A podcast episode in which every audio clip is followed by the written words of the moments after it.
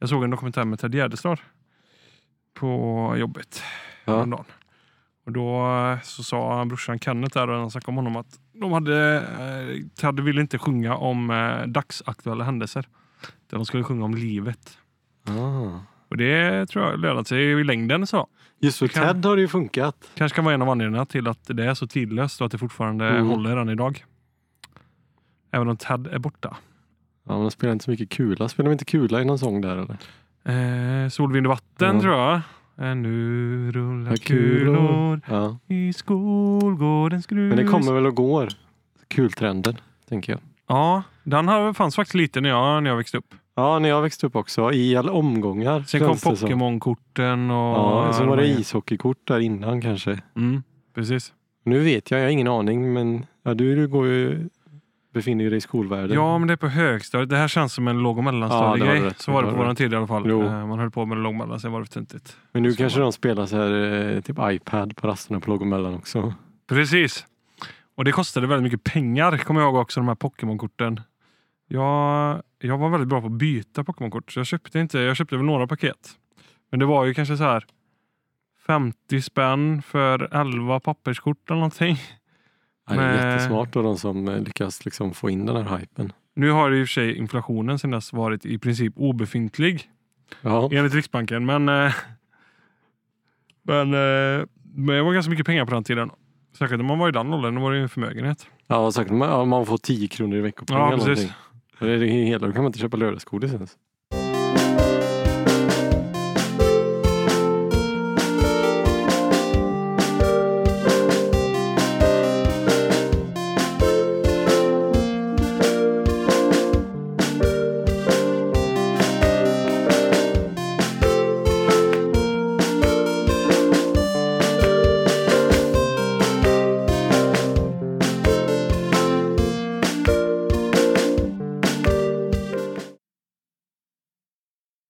Det ni hörde nu var en temporär jingel.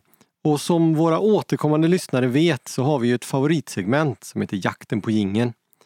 Där ska vi få lyssna på denna veckas jingel som Daniel har skapat.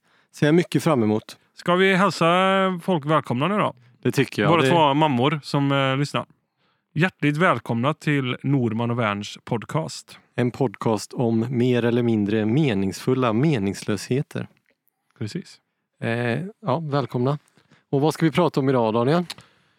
Eh, dagens ämne som vi har bestämt då, det kommer vara pengar.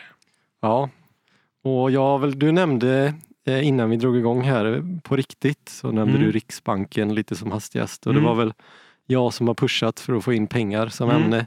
Egentligen så vill jag bara sitta och hata Riksbanken Mm. men eh, du var intelligent nog att säga att vi kanske skulle ha ett något bredare ämne. Det kanske var lite väl nischat för Ja. eh, Bara podden. sitta och ge, ja, liksom hålla personangrepp mot Stefan Ingves i 45 minuter kanske inte heller Nej. blir jätteunderhållande. Vi kanske får några följare så.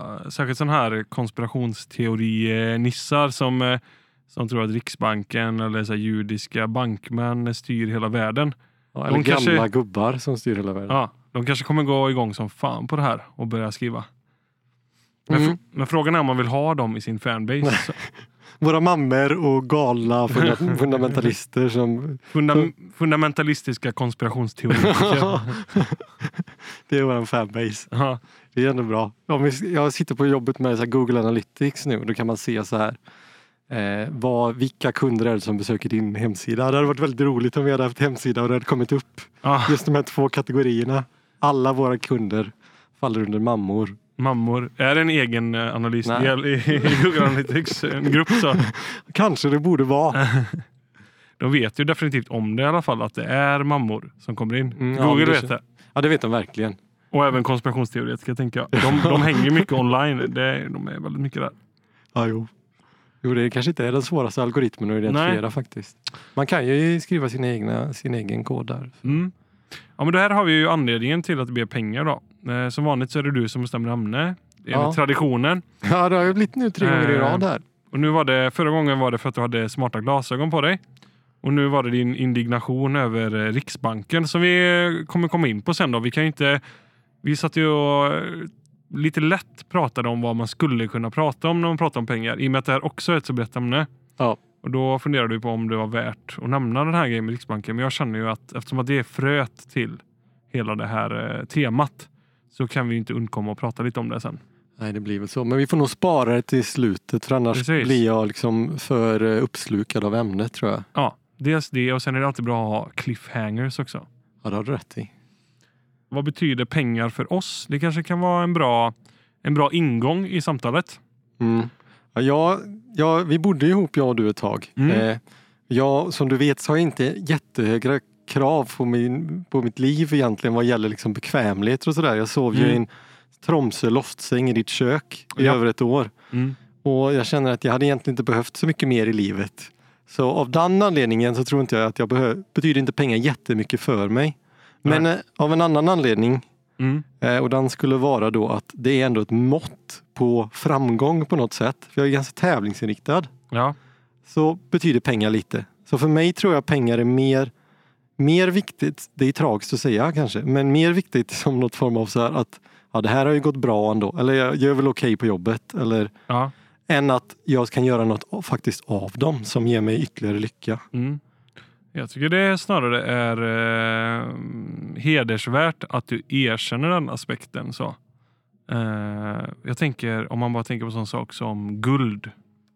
Det finns väl olika anledningar till att guld anses vara så värdefullt, men det, det är väl en sån nästan arketyp. När man kom till eh, Sydamerika, när européerna kom dit och de träffade en kultur som de inte haft någon kontakt med överhuvudtaget. Då har de också samlat på sig stora rikedomar av guld. Så det är någonting som människor har samlat på. Mm. Eh, och eh, Den har ju vissa egenskaper såklart som gör att eh, den är ganska ovanlig. Den eh, eroderar inte och sådär.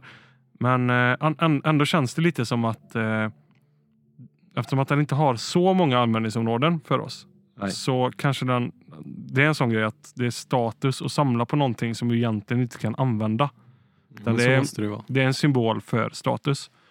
Eh, och att förneka den aspekten av pengar. Jag tror de flesta eh, har en, en, i mer eller mindre grad tycker att pengar är viktigt av den anledningen. Mm. Men sen tror jag många gillar pengar just för att de gillar konsumtion också. Precis. Och det är väl mest kanske uppenbara anledningen till att man, man Ja. eh, vill ha pengar. För det är liksom ett medel. ja. Statusdelen kanske ligger lite mer undermedvetet i oss eh, för de som inte erkänner det. Det är kanske Mm. något vi, vi kan bara nämna för lyssnarna att vi sitter här i en replokal. Ja, precis. Vi sitter ju här i min eh, före detta replokal som jag byggt om till en studio och den ligger ju då bland replokaler. Så att skulle det vara så att ni hör Dileva eller någon annan ton här i bakgrunden nu så ber vi om ursäkt för det. Och eh, hoppas att det inte stör upplevelsen för mycket. En annan eh, fråga då som såklart är aktuell i det här, lite existentiell och sådär. Eh, någon, någonting som kanske har då också ändrats lite sedan man var 11 år och trodde att hittar man en väska med 10 miljoner och skulle köpa godis och eh, datorer för pengarna eller vad, de- vad det nu kan ha varit man ville ha då. Eh, blir man lycklig av pengar? Det tråkiga svaret är väl enligt forskningen ja, upp till en viss gräns. Mm. Eh, men eh, ja, det finns väl människor som kan vara lyckliga helt utan pengar nästan tror jag. Ja, ja, som jag ser det så är det väl att man blir olycklig utan pengar. Så ett sånt också som jag tror folk med sunt förnuft kommer fram till att, ja, att man vill ha en grundtrygghet. Har man inte det så kommer det skapa olycka. Att du har en ekonomisk press hängande över dig hela tiden och du har svårt att få det att gå ihop och du blir orolig för din framtid och sådär. Eh, och därefter så är det inte så viktigt. Så brist på pengar skapar ju olycka. Sen kan jag ju dock säga jag har ju haft brist på pengar då under mina maniska sessioner. när Jag brände extremt mycket pengar utan att ha motsvarande inkomster och sådär. Eh, och det fanns någonting lite häftigt i att bli pank när man inte hade varit innan. Det är en ganska cool upplevelse. Det är lite som att man blir omruskad från bubblan man levt i. När man aldrig riktigt har haft ekonomiska problem. Om man inte, inte haft några ekonomiska problem alls innan. Och inte behövt bry sig. När man, Ja. när man exempelvis har väldigt lite pengar och så hittar du 10 kronor då. Eh, någonstans i någon gammal skål eller någonting. Och inser, oj shit, jag kan ju köpa tre lökar. Eller jag kan köpa en lök och ett paket krossade tomater. Och helt plötsligt har jag en måltid där. Shit, vad, vad fantastiskt. ja, det är coolt faktiskt. Det är roligt. Jag kommer ihåg den tiden. Ja, Jag var alltid så fascinerad att du alltid klarade dig. Det var ju aldrig, du hade ju alltid så att på något sätt så hade du alltid en extra krona någonstans. Som man, man trollade fram ur Ja, rockärmen. men på något sätt så kunde du alltid hänga med och ta en bärs. Ja. jag, jag fattar inte hur det gick ihop. Ja, jag, jag minns faktiskt inte riktigt själv heller riktigt hur allting gick ihop. Men det gick ju inte ihop i längden i alla fall. Så mycket kan vi konstatera. Eh, men just eh, känslan av att när, när allting gick bort så, i, särskilt i trygghetsnarkomanernas eh, land Sverige.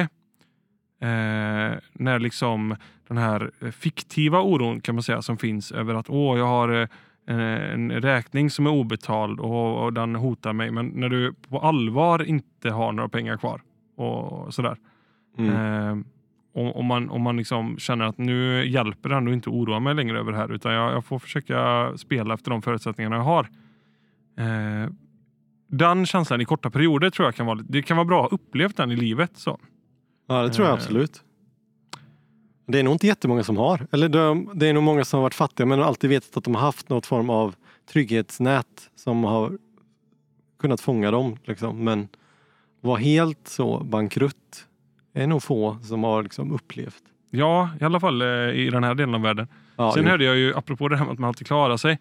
Jag hörde ett reportage från eh, P1 då, eh, om, inför EU-valet och så pratade de om, om den fria rörligheten och vad den hade för konsekvenser för Sverige och EU.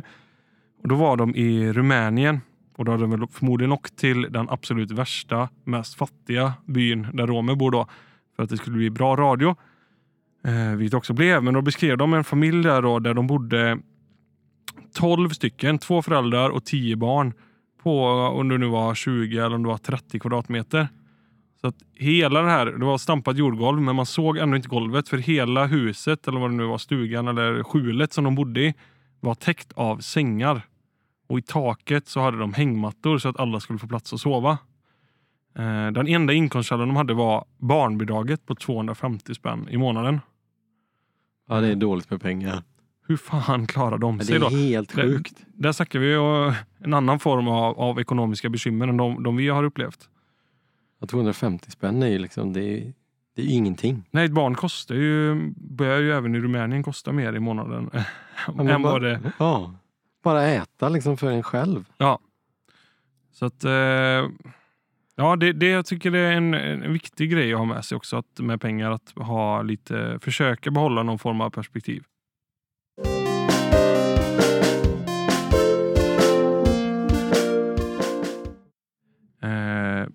Mängden girighet och mängden generositet är hyfsat lika i alla samhällen. Sen är det klart att det kanske blir lite mer girighet när folk lever i väldigt extrema situationer och det är korruption och sådär. Det blir lättare att liksom falla för den mörka sidan i sig själv och börja få åt sig om, om man har det dåligt. Eh, men, jag, men jag tror att det snarare är en sån personlig egenskap som vi får med. Som är vi positiva optimister eller är vi pessimister? Ja, några är eh, optimister och några är pessimister oavsett om de åker till Bangladesh, eller om de åker till Sverige, eller om de åker till USA eller om de åker till Brasilien. Mm. På samma sätt är vissa personer lite mer girigt lagda och andra personer lite mer generöst lagda. Mm, och Det är lite mer hur man copar med den eh, sidan av sig själv som avgör om man har liksom en bra människa eller inte. Ja. Jo, du har rätt. Men girighet är ju en inneboende egenskap hos alla människor. Det är väl därför det blir finanskrascher var 15 år. Bara för att det blir, så fort det blir en avreglerad marknad så försöker alla bli så rika som möjligt tills det bara exploderar. Ja, precis. Och Skulle du ge samma mängd makt till en fattig person som du kanske tycker synd om och du tänker den här personen är inte, absolut inte girig men har den här giriga grejen i sig så skulle den gjort precis samma sak som hajarna på Wall Street eller eh, ja, andra människor som liksom le- glider i toppen på systemet och är giriga. Mm. Ja, jag håller med dig. Det är så. Eh, så det tycker jag är mm, viktigt att tänka på att det, kanske det har mycket med, med, med inneboende egenskaper som man har med sig från början tror jag. En besläktad eh, egenskap där är ju snålhet. Ja, det är väldigt intressant med snålhet faktiskt. Den är betydligt mer rolig Ja, än verkligen. både girighet och, eller generositet. Man kan ju definitivt vara snål utan att vara girig. Mm. Ja. Man kan nog vara girig utan att vara snål också. Kanske inte lika lätt men, men eh, om vi tar snålhet då som personlig egenskap så är det ju en extremt ocharmig egenskap. ja, det är det. Och den är till skillnad från girighet, som vi båda är överens om att det är inneboende, så tycker jag snålhet är väldigt tydligt hos vissa och nästan icke-existerande hos andra. Ja, girighet kan ju vara lite mer uttänkt och lite mer sub subtilt så, om man Ja. är väldigt eh, kalkylerande.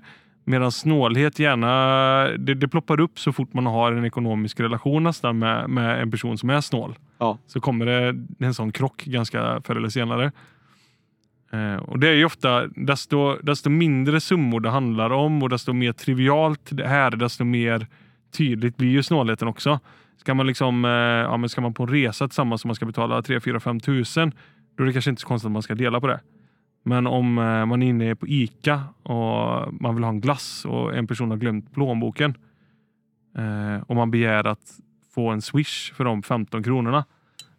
Exempelvis. Eller folk som är, när de samåker. Eller så här. Jag hörde om någon historia om någon, någon eh, dam som hon bad sina kompisar åka med henne när hon åkte till affären. De skulle handla. för de inte hade bil. Ja. Och kompisarna tyckte att det var, det var ju snällt av henne att hon kunde skjutsa dem till affären då, och, Mm. så de inte behövde bära hem alla matvaror. Ja. Men sen efter den här resan då så vill hon dela bensin. Och inte bara det, hon vill dela förslitningen på bilen också. Så här, brukskostnaden av bilen. Skickar hon ut liksom ett, ett meddelande då till vänner. Jag tyckte det var väldigt roligt. Där har vi Det ju av ett sånt extremt exempel. Och Sådana personer dessutom kan jag tycka att de kan gärna ta emot om du bjuder dem. då. Så att, ja, du har kört dem 15 gånger till olika ställen innan och tagit för givet att du givetvis inte tar betalt för det. Eh, och så har de ändå då mage att när de väl gör det så och skulle du konfrontera dem så hade de mycket väl kunnat säga ja men du bjöd ju mig på det. Du sa ju inte att du ville ha några pengar för det. Du bjöd ju mig. De ser liksom inte byteshandels, eh, liksom reciprociteten i den processen. Liksom. Nej, jag håller med. De är, det är en väldigt speciell eh, personlighetstyp, den snåle. Verkligen. Och det, det är ju ofta då som sagt, det är små belopp som blir störande. Det är då det är verkligen tydligt Mm. att det handlar om snålhet och eh, då är det ganska lite pengar man vinner för ett ganska högt pris rent socialt. Ja, Eh, som de inte tycks förstå. Precis. Det är en väldigt eh, fascinerande nästan eh, egenskap. När man går på restaurang, det värsta som finns är alla köper ungefär samma. Och sen så kommer eh, notan och så, så är det någon som tar, börjar ta fram sin miniräknare och börjar räkna på allting. Exakt på siffran.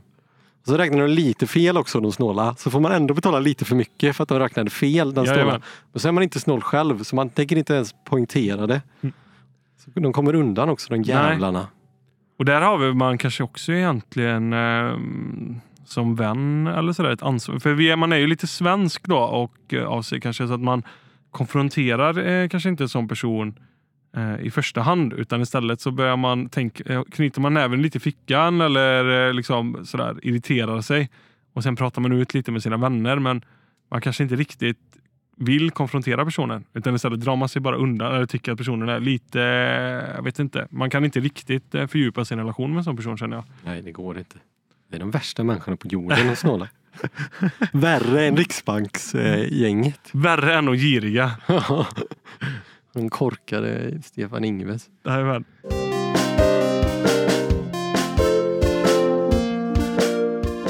Man vill att saker ska bli dyrare, man vill att det ska finnas mer pengar, köpkraften ska öka. Man vill Mm. ha inflation. Ja, Och eh, Ingves och kompani på Riksbanken vill ju ha 2% inflation. mm. Det är deras enda mål i livet.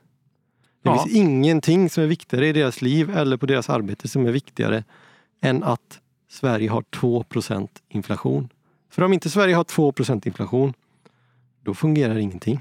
nej det är lite så, det är domedagen. Ja, världen går under.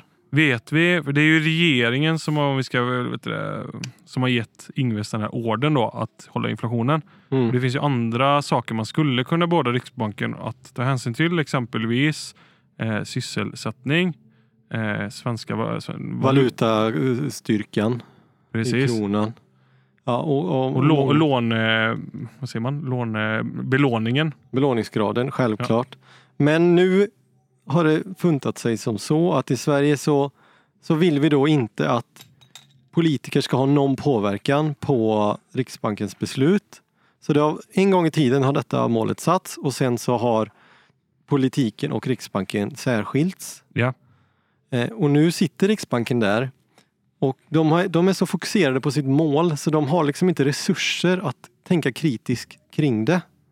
Och det är det som blir så intressant när vi lever i en värld med bostadsbubblor där folk har det ganska bra utan att de köper mer hela tiden. Vi har negativa räntor. Bara för att det, räntan är minus 0,5 så kommer inte du spara alla dina pengar. Nej, det är ju hemskt. Eller tvärtom, du eh, kommer inte investera alla dina pengar. Det är hemskt att se det som har hänt i Sverige. Hur, eh, hur belånade människor har blivit och hur det har ökat. Och då är det ju en av de viktigaste orsakerna till det är ju att eh, det här inflationsmålet då, inflationen har legat under 2 Mm. och då har Riksbanken velat öka inflationen och det har man gjort då bland annat genom att sänka räntan till minusnivåer, vilket i teorin betyder att du får pengar, du får ränta om du lånar pengar. Ja. Och sätter du in pengar och sparar dem så får du betala för det. Mm. Och det är väl hela tanken då att människor ska rationellt inte vilja spara någonting. Och det är en modell som någon har hittat på men sen så har de inte tänkt på då att folk ibland kan bli lite belåtna till exempel. Att de har det ganska bra. Att folk kan vara lite oroliga för framtiden när räntan går upp så de väljer att spara pengar ändå. En sak som inte inkluderas i inflationsberäkningen när man sätter ihop det här indexet av vad det är, vilka varor det är och vilka, det är räntekostnader. Och bostadskostnader ja, in, in, Precis, bostadskostnader, bostadskostnader ingår inte. Nej. Nej. Eh, och väldigt mycket av den ökade köpkraften som har kommit till Sverige har ju gått till ökade bostadskostnader. För vi har haft eh, en extrem ökning av priserna på bostäder och även priserna på boende. Mm. Så det, det räknar man inte med alls att de priserna stigit. Jag vet inte exakt varför. Det är någon som har hittat på, återigen, böcker är typ 2% av inflationsmålet. Ja. Om priset på böcker dubblas, då, då kommer vi få en jättebra inflation i Sverige. Precis. Det är absurt vad de har inkluderat där. En annan sak eh, som, som är problem med det här är ju att produktiviteten har ökat enormt mycket och vi har fått en global handel där vi köper in extremt billig elektronik och andra, andra saker från Kina. Eh, och även kläder och sådär har ju sjunkit i pris av den anledningen att produktiviteten har ökat. Mm. Det är ju inte så att eh, Men vi befinner oss inte i ett slutet system så som vi gjorde på kanske 70-talet då när Sverige boomade och det gick jättebra. Nej. Då, det fanns ju viss export men nu är det ju verkligen, du kan trycka på en knapp och så kan du köpa något Ja. från Kina och så bara kommer det till dig. Precis, och det, det bör ju föra med sig lägre priser. Det bör föra med sig deflation, att, så, att allting blir så mycket billigare. Mm. Sen tycker jag att vissa, så som vanlig konsument då, så kan man ju se att vissa varor stiger ju ganska mycket i pris. Nu har vi, det här, eh, vi har drivmedelskostnader. Jag tycker även att maten kontinuerligt stiger. Eh, priset för kollektivtrafiken. Mm. Eh, Ja men det är, det är ganska många saker som går upp ganska mycket om man tittar på på ett tioårsperspektiv. Ja. Bara vad en pizza kostar så är det ganska mycket dyrare nu än vad Exakt. den var tio år sedan. exakt, Betydligt mer än 2% per år tror jag att pizzapriset har gått upp i definitivt. Sverige generellt. Men pizzan tar väl inte så stor plats just i inflationsmåttet utan det är väl mycket så konsumtionsprylar så som du säger elektronik, liknande saker som vi ändå köper från andra ställen då Mm. där, det, där det är billigare i en global ekonomi. Ja, det är extremt problematiskt och det har ju i sin tur lett då till att vi har tagit bort räntorna. Vilket har möjliggjort för en extrem belåning hos hushållen och hos eh, kommunerna är väl den senaste nu som har ploppat upp som en, eh, en bubbla eh, när det kommer till lån. Då. Att kommunerna har blivit extremt skuldsatta. En annan sista sak där som vi skulle nämna är väl just tanken bakom eh, tillväxt. Mm. Eh, särskilt i en ekonomi där det går ganska bra. Jag har alltid försökt säga, jag har försökt tänka mer i som att lycka ska vara målet, inte tillväxt. Ja, Eh, om man ska driva ett land så borde ju det vara huvudfokus, att få väldigt lyckliga individer och Ja. inte gå liksom tokback då som land. Istället för att få väldigt högkonsumerande individer. mm. Eh, Och det är också intressant att så många är, inte för att jag är emot nu att köpa saker Nej. eller använda pengar, utan just jag är emot kanske tanken att lösningen på alla problem är bara konsumera mer och just ska öka då ja, konsumtionen så att du når en Mm. 2 i inflation varje år. till, eh, innan eh, jag svarar på det här, så till BNPs försvar.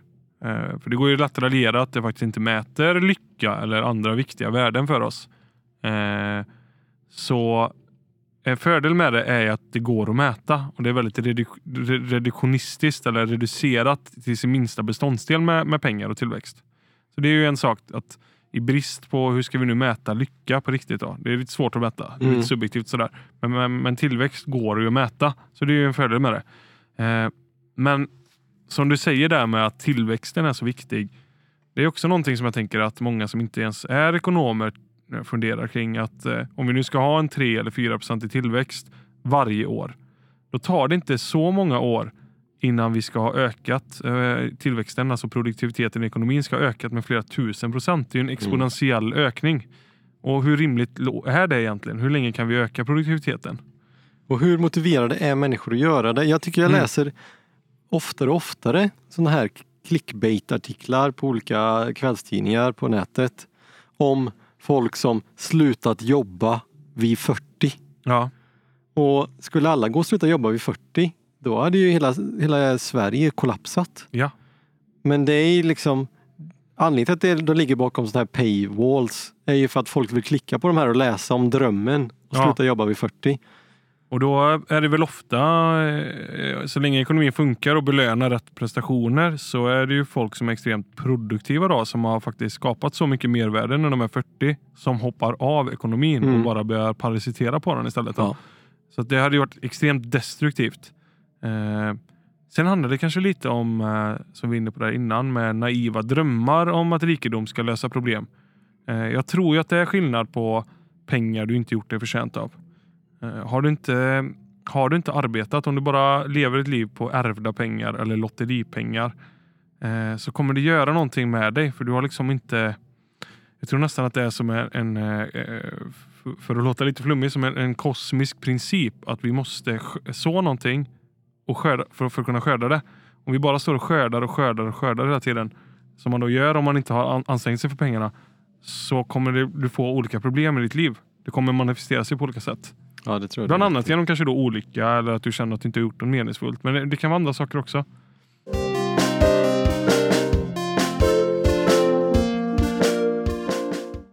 Dagens utläggning. Min utläggning den här gången har jag valt att kalla låga sannolikheter. Jag tänkte tala om sannolikheter och inte vilka sannolikheter som helst. Nämligen låga sannolikheter. Det är först två termer som jag skulle vilja definiera innan jag tar mig an mitt resonemang. Väntevärde. Det definierar jag som medelvärdet för ett events utfall om eventet utförs ett oändligt antal gånger. Som exempel. Väntevärdet av ett tärningskast med en vanlig tärning är 3,5.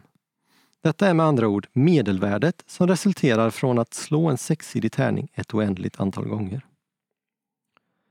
Den andra termen är sannolikhet, vilket jag definierar som ett mått på hur troligt det är att en viss händelse inträffar. För att åter använda tärningsexemplet så är sannolikheten för att slå en sexa med en vanlig tärning en på sex. Det är relativt lätt att intuitivt uppskatta både väntevärdet av ett tärningskast samt sannolikheten för att slå en sexa. Det är ett väldigt konkret exempel med ett begränsat antal utfall och de flesta har också en viss erfarenhet av att slå en tärning. Nu till låga sannolikheter. Tänk dig att du är en stenåldersmänniska. Du ser en stor älg. Du har inga vapen. Du är ensam. Du vet då att det är en väldigt låg sannolikhet för dig att lyckas fälla älgen så du låter bli. Mer komplicerade statistiska beslut har människor sällan behövt fatta. Fram tills väldigt nyligen har ett grundläggande statistiskt resonemang, likt i exemplet med älgen, räckt gott och väl. Men inte längre. Vi har nu skapat oss en värld där antalet utfall av varje event är ogreppbart stort och vi stöter allt oftare på situationer där vi har en väldigt liten erfarenhet från tidigare liknande event. Detta gör att vi har dåliga förutsättningar för att uppskatta sannolikheten för varje möjligt utfall och följaktligen avgöra väntevärdet av ett event. Detta blir ännu svårare, skulle jag säga omöjligt, när det handlar om låga sannolikheter. Ta det kändaste och kanske mest uttjatade exemplet om svarta svanar.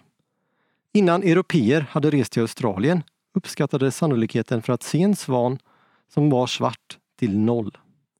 Men så fort den första australiensiska svanen var siktad sköt såklart den sannolikheten i höjden. Jag är inte den första att ta upp detta ämne. Den kändaste föregångaren är antagligen Tage Danielsson med sin Harrisburg-monolog. Där han förklarar att något som tidigare var osannolikt, så snart det hänt blivit betydligt mycket mer sannolikt. För när det kommer till låga sannolikheter har människan ingen intuition kring den matematiska probabiliteten. Vad vi då tenderar att göra är att leta efter konkreta erfarenheter från vårt eget liv som vi kan applicera på detta i grund och botten matematiska problem. Jag tänker på alla som blir rädda för att deras flyg skulle bli kapat och störtat in i en skyskrapa efter eventet 9-11. Sannolikheten för att det skulle hända var nog i det närmaste oförändrad mellan den 10 och 12 september 2001.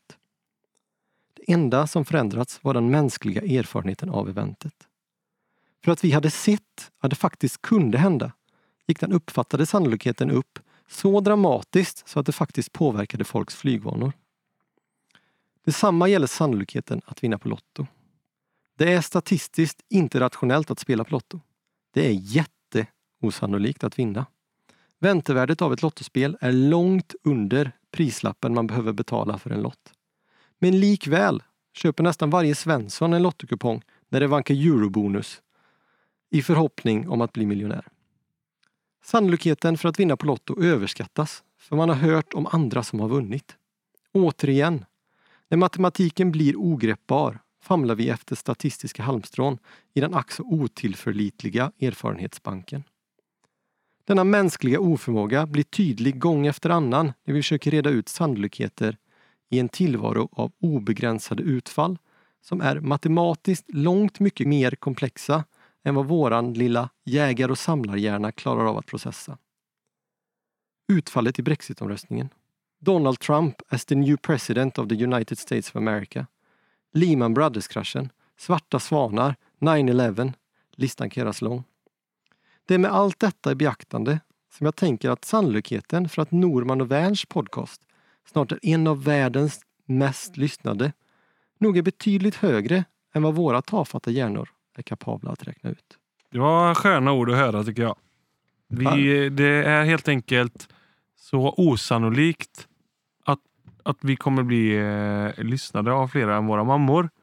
Att det blir sannolikt. Ja, det blir det. Är det så jag ska tolka det? Du ska tolka att vi, inte, vi tänker att det är osannolikt för att vi inte är intelligenta nog att förstå att när det väl händer så är det sannolikt. Ja.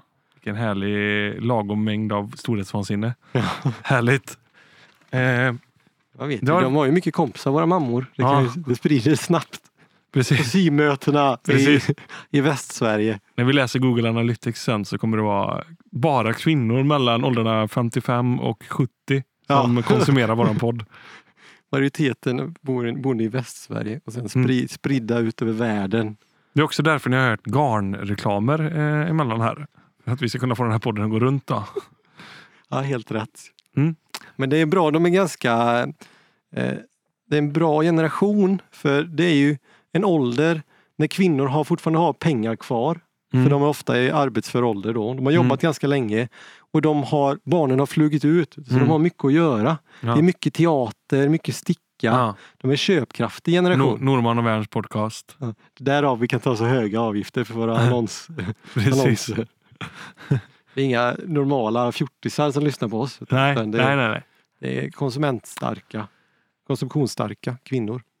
Det är ju intressant som du säger det här med låga sannolikheter. Jag tycker det var kul eh, det du sa om att eh, med den här ökade komplexiteten så ställs vi inför de här. Innan var det mer, alltså våra biologiskt sett så är vi programmerade för det här älgexemplet.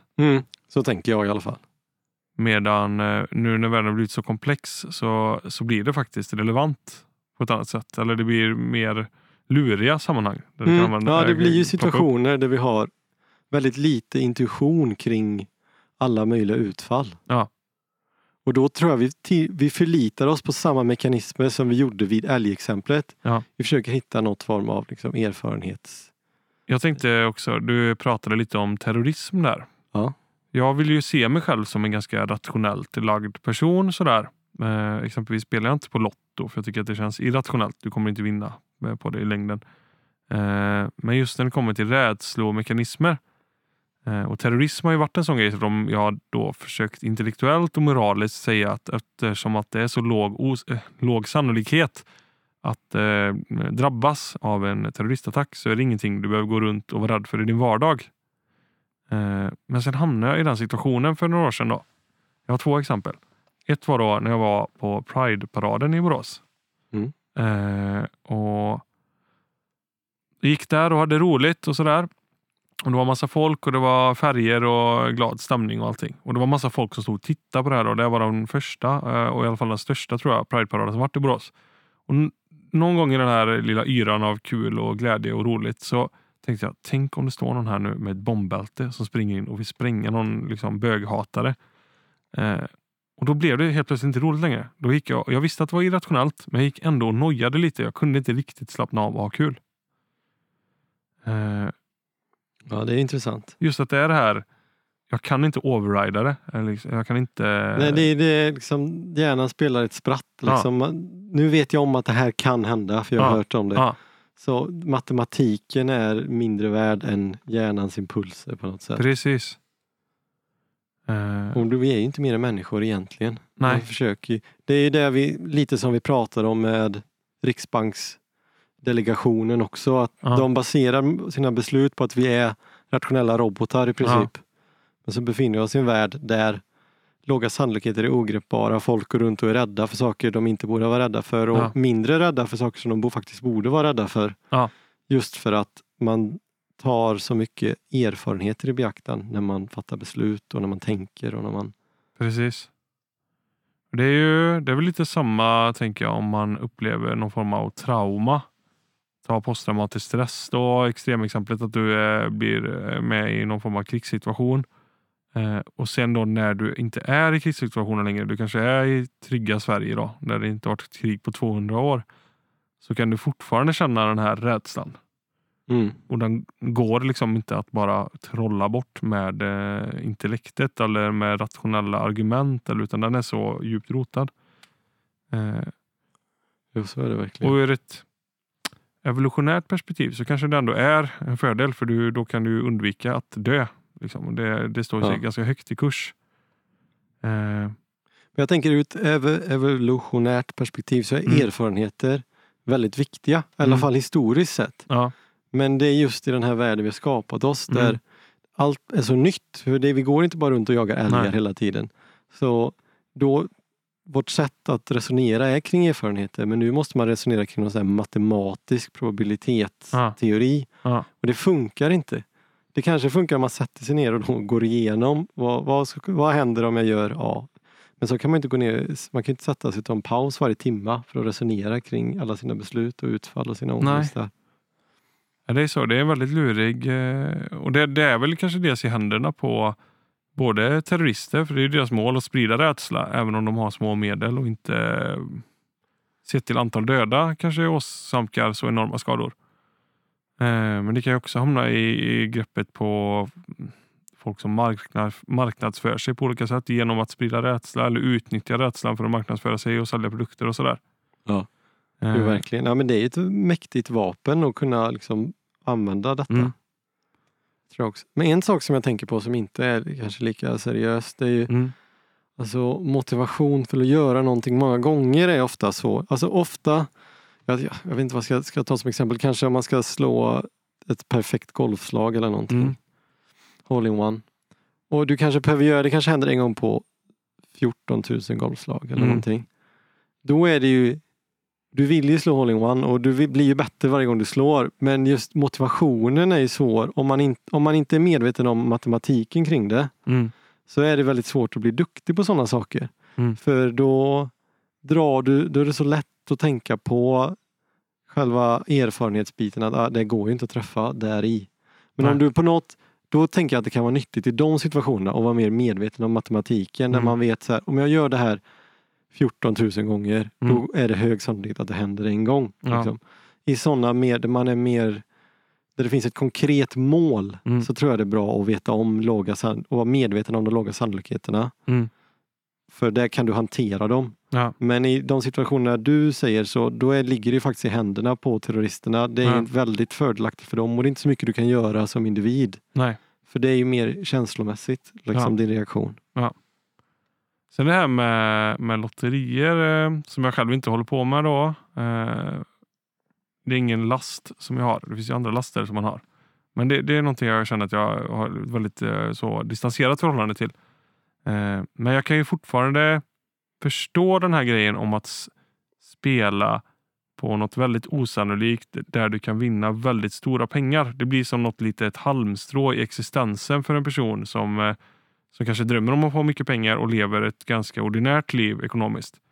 Eh, Så även om de vet att det är väldigt, väldigt osannolikt och de behöver leva 200 livstider och spela på eurobonusen varje gång innan det ens är 50 sannolikhet, det är ens 10% sannolikhet Mm. att de vinner, så kan de ändå tänka sig att avstå från en eh, liten summa pengar för den där lilla, lilla, lilla chansen att eh, få det här extrema livet sen då med de här pengarna.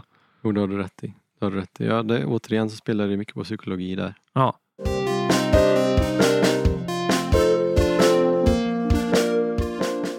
Då var det dags för eh, min utläggning då, Daniels utläggning och eh, den har jag valt att kalla Dagens ungdomångesten.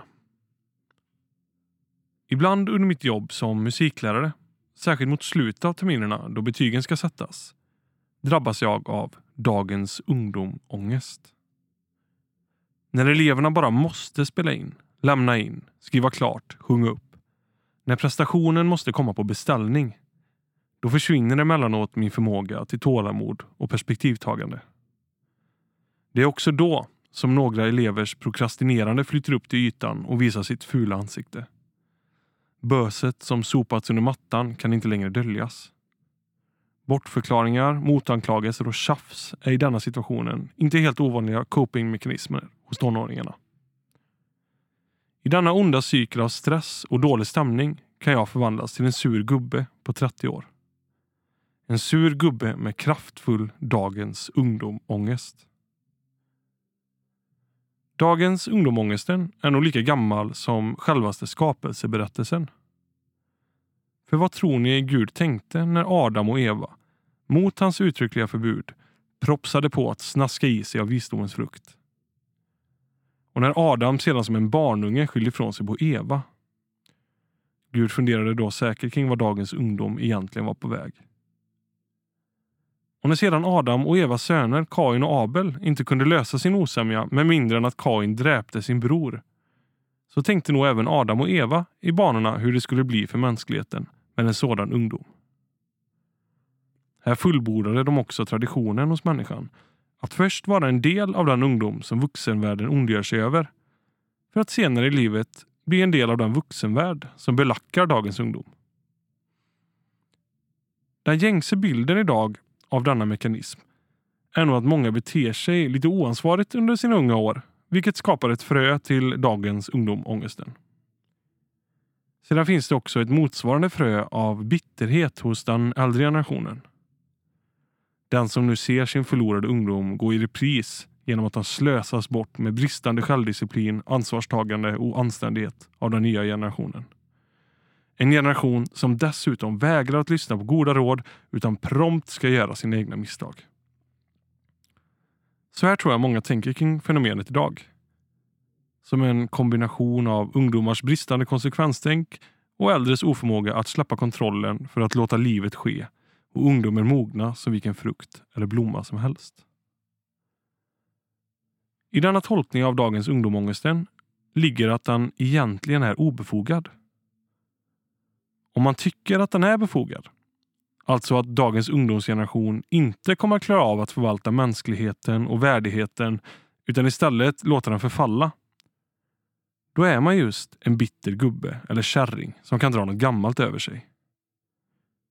Dessutom bevisar historien att man haft fel. Titta på oss. Vi är ju goda vuxna. Det har gått bra för alla generationer före oss. Varför skulle de vara ett undantag? För att undkomma stämpeln som bitter så det är alltså lämpligt att avsluta alla samtal med temat dagens ungdomångest med att det ska nog ordna sig till sist. Eller det blir nog folk av dem också ska du se. Men tänk om denna tolkning inte alls stämmer. Tänk om det istället är så att vi bara blivit sämre och sämre. Låt säga sedan 1920-talet. Kanske har vi faktiskt blivit veka till lynnet svaga i kroppen och förslöade i skallen av all komfort vi omger oss med. Om standarden hos vuxengenerationen dessutom ständigt sjunkit är det ju svårt för oss vuxna att se det. Vi är ju det bästa som finns just nu i form av laglydighet och ansvarstagande. Trots att det kanske är en ren katastrof jämfört med vår sedan länge avlidne farfars farfar. Den gamle patriarken kan ju knappast heller kliva upp ur graven för att vi ska kunna göra en ärlig jämförelse. Tänk om vi helt enkelt blivit så förtappade att vi inte längre kan se hur förtappade vi är. Att dagens ungdomångesten är befogad och så har varit i hundra år eller mer. De vi kallar bittra gubbar och kärringar är snarare realister, sanningssägare och visselblåsare som trots att det ser så mörkt ut tappert strider för att rädda den dekadenta ungdomen från avgrunden. Att under tiden sitta vid en skärm och titta på lustiga katter, kläder, teknikprylar, nörderier och fjantiga samtal förbereder oss knappast för domedagen när ekosystemen kollapsar och vi faktiskt måste kämpa för att överleva. Det veganska vinet kommer icke att hjälpa oss när jordskorpan spricker. Och så lämnar eleverna aulan och går ut på sommarlov. Plötsligt känner man sig nästan lite gråtmild. De trassligaste grabbarna och de syrligaste tjejerna som står där i bara ben ler och pratar med sina föräldrar, hälsar artigt och önskar en god sommar. Nog finns det trots allt hopp för dagens ungdom. Och kanske är det något bra ändå. Lite av en gudomlig försyn. Att denna slitning mellan vuxen och ungdomsvärlden ibland uppstår. Det vittnar trots allt om att vi bryr oss om vår mänsklighet. Det vittnar om att vi vill fostra våra barn till att en gång börja ta eget ansvar. Denna konflikt utgör också en perfekt anledning för ungdomen att under en period få klippa banden, gå sin egna väg, ställa sig på egna ben och ge vuxenvärlden fingret. Och vi vuxna har något att prata om när vi känner att vi inte är vuxna nog att se vårt eget ansvar i det som sker. Ja Daniel, det, det var roligt att höra. Mm. Eh, intressant utläggning som alltid. Mhm. Jag, jag märker ju att eh, du är präglad av att det är slutet på terminen här i skolan också. Ja. Menar du att jag verkar lite bitter eller? Vad? Nej, jag menar bara att ämnet eh, reflekterar kanske vad som händer. Just det. Ja. Och att eh, jag kan ju förstå att eh, även om du inte verkar bitter alls så blir man väl ändå påverkad av en, en slutspurt i Du har- högstadieklass. Helt rätt kan jag säga. När jag eh, skulle skriva den här utläggningen så hade det föregåtts av eh, att eh, jag hade hamnat i bråk med en kille. Jag brukar, nu efter att ha jobbat några år som lärare, så hamnar jag i färre sådana här bråk där jag nästan står och skriker på någon. Men jag hamnar i en sån eh, ordväxling. Eh, och eh, de är eh, extremt energikrävande så jag kände mig helt tom i själen nästan. Den här dagens ungdomångesten då, när man känner den, den övergår i någon slags ledsenhet till slut. Brukar det göra när man varit arg. Så att man är arg och sen så känner man sig ledsen. Förtvivlad. Ja.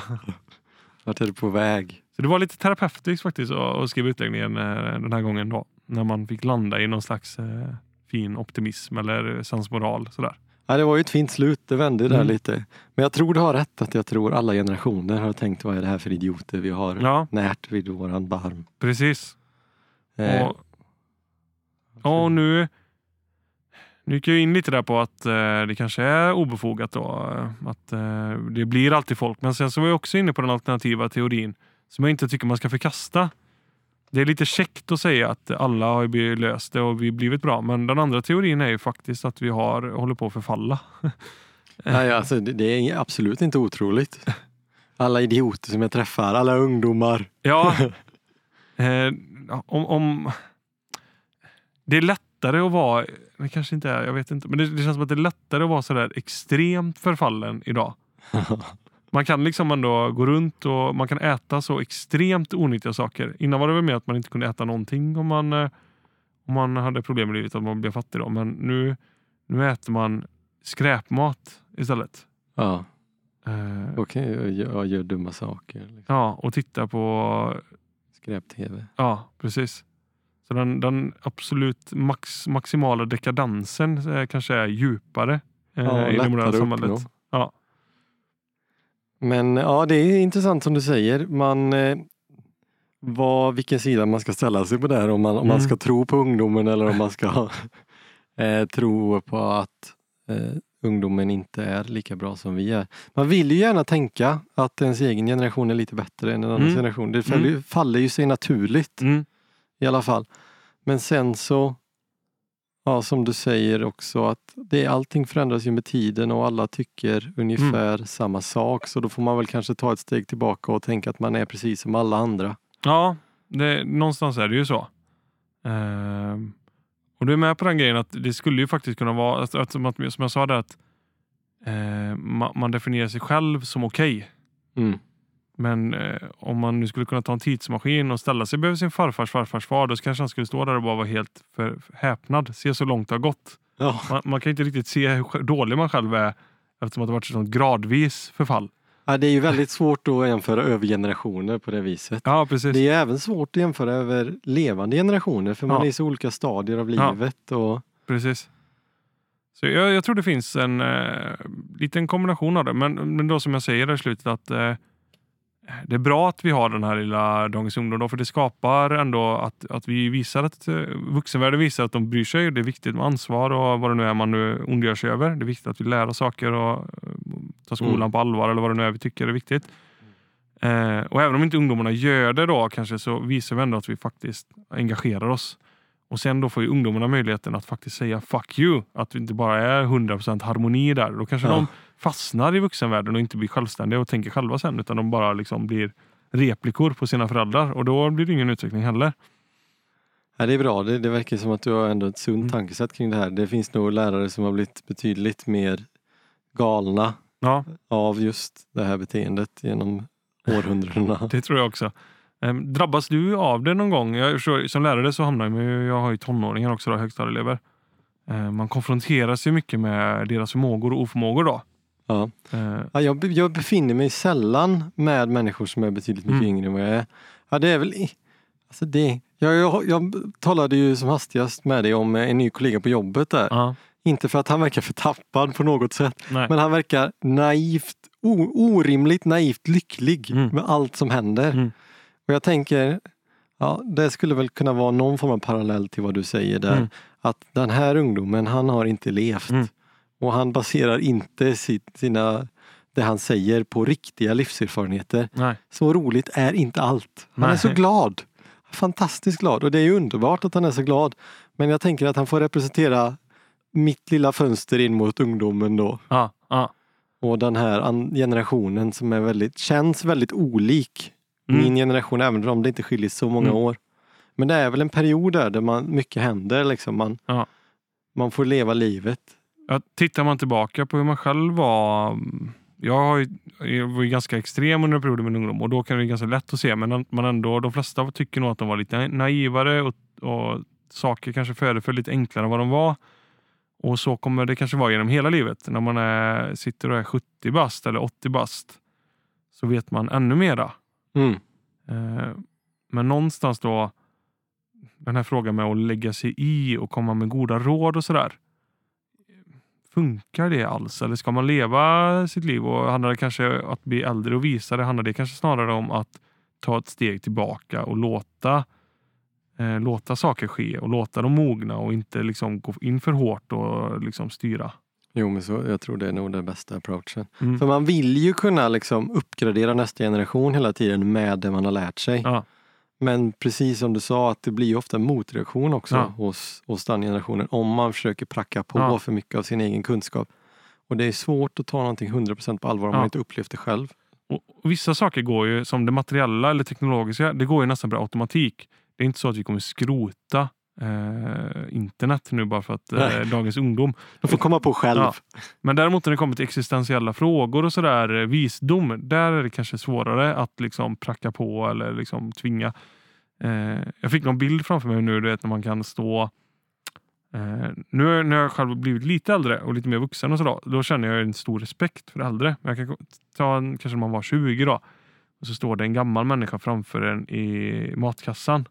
Mm. Och är väldigt långsam. Ja, det var ju väldigt frustrerande. Precis, och man blir superfrustrerad och man börjar tänka åh vad de är långsamma och kanske då lite dumma eller lite efter. Eller, Ja. och, och de kanske tittar tillbaka. Alltså, det kan ju lika gärna varit så att de slängde ett getöga på en och man stod där och stressade och tänkte oj oj oj. Ja. Här har vi en som har mycket kvar att lära av livet. Som står och stressar över, eh, i mataffären och vad, shit vad bråttom man har. Det är inte så bråttom. Nej. Nej, det har du rätt i. Men de kan fortfarande faktiskt låta bli att handla på tider när, när resten av oss handlar. Handlar tio en tisdag eller något på morgonen. De är ju ändå pensionärer. Ja. Det kanske man skulle införa så här pensionärstider på mataffärerna där de får lite rabatt. Eller ja, det hade varit jättebra. Jag, jag, ifrån kom, när någon kom, står och sjunger Evert Taube utanför.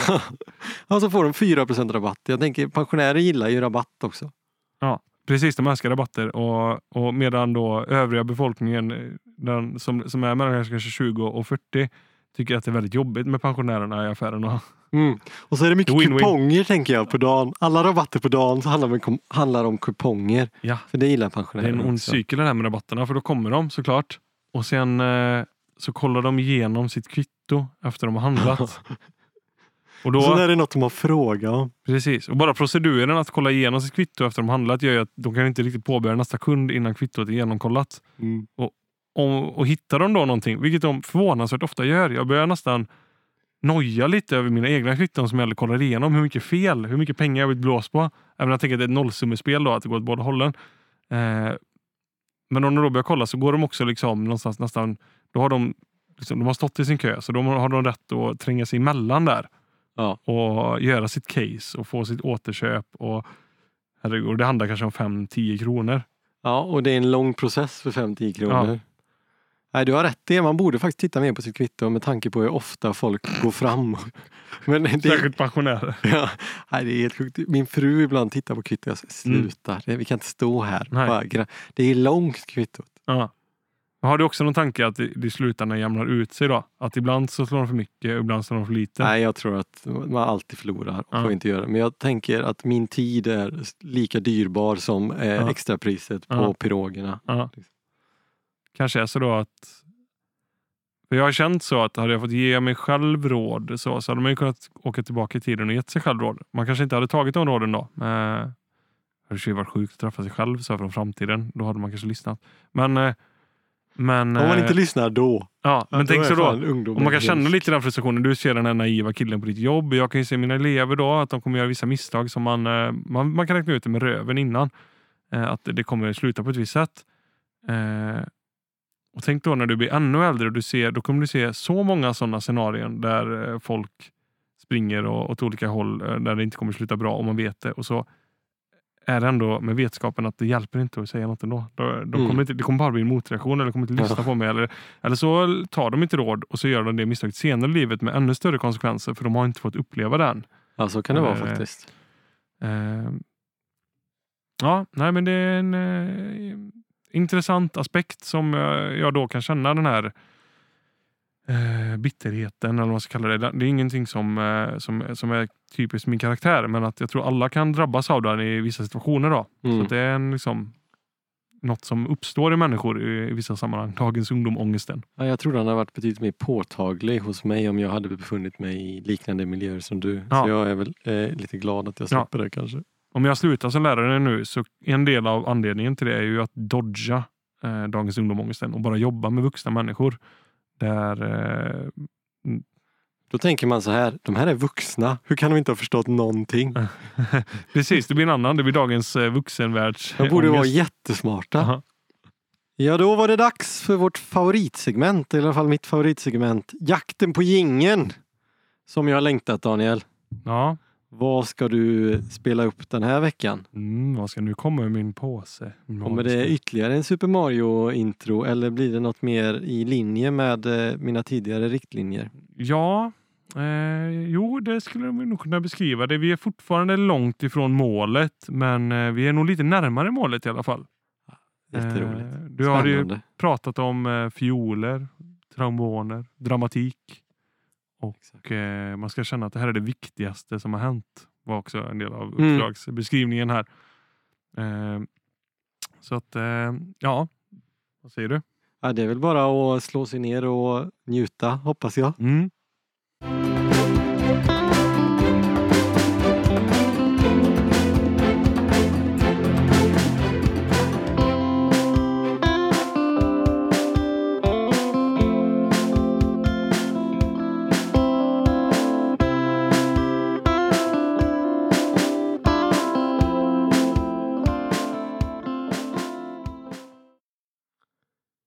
Kul!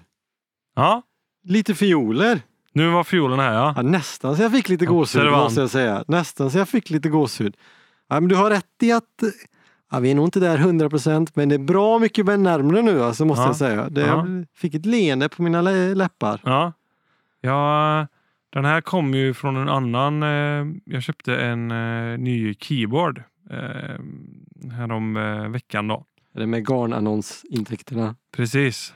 Feta inkomster från garnet då. Då omvandlar vi garnet till musikinstrument. Och den här har en inbyggd så kallad sequencer. Det betyder att du trycker på en knapp och så spelar den här noten i en viss takt bara hela tiden. Da, da, da, da, da, da, da. Så den här fiolgrejen kommer då från, eh, från den här sequencern. Då. Det var det den kreativa motorn i låten. Eh, sen gillar jag den, den känns lite episk. Sådär, med, Ja det gör den verkligen. Det är lite nästan som ett Coldplay-intro. Det eh, blir på Ullevi den kommer spela sen när vi håller vår, vår podcast på Ullevi. Ja, kan vi vi- ha den kanske då. precis. Det hade lite arenarock. Ja. eh, eller den är inte rockig heller. Den har ju också något så här. Ja men lite ändå. Det känns som att man vill sjunga i, i kör tillsammans. Ja I, precis. till den en varm sommarkväll. Och den har ju eh, fortfarande den här lite cheesy trummaskinen som är med från den förra jingeln då. Om man är observant.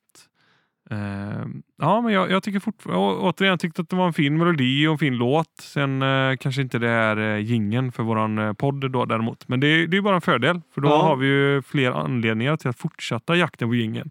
Ja, det är nästan så att jag hoppas nu att vi aldrig kommer hitta ingen. Det bara kommer så. bli en evighetsjakt. Jag snackade ju med en, lite, en kollega lite där innan som också håller på och proddar lite. Ja, han skulle kanske vara med och göra nästa jingel eller nästnästa eller så. Och då sa han att när ni väl hittat jingeln då lägger ni ner podden. Ja, så är det nog. Så Ja. att, eh, vi får hoppas att eh, vi inte hittar den än på ett tag. Att vi får fler exempel. Och där, med det så tackar vi väl för idag. Ja, Eller? det gör vi. Ska vi avsluta podden med ytterligare en jingel då? Vi kör jingeln en gång till. Jajamensan, det ska vi göra fler gånger. Underbart.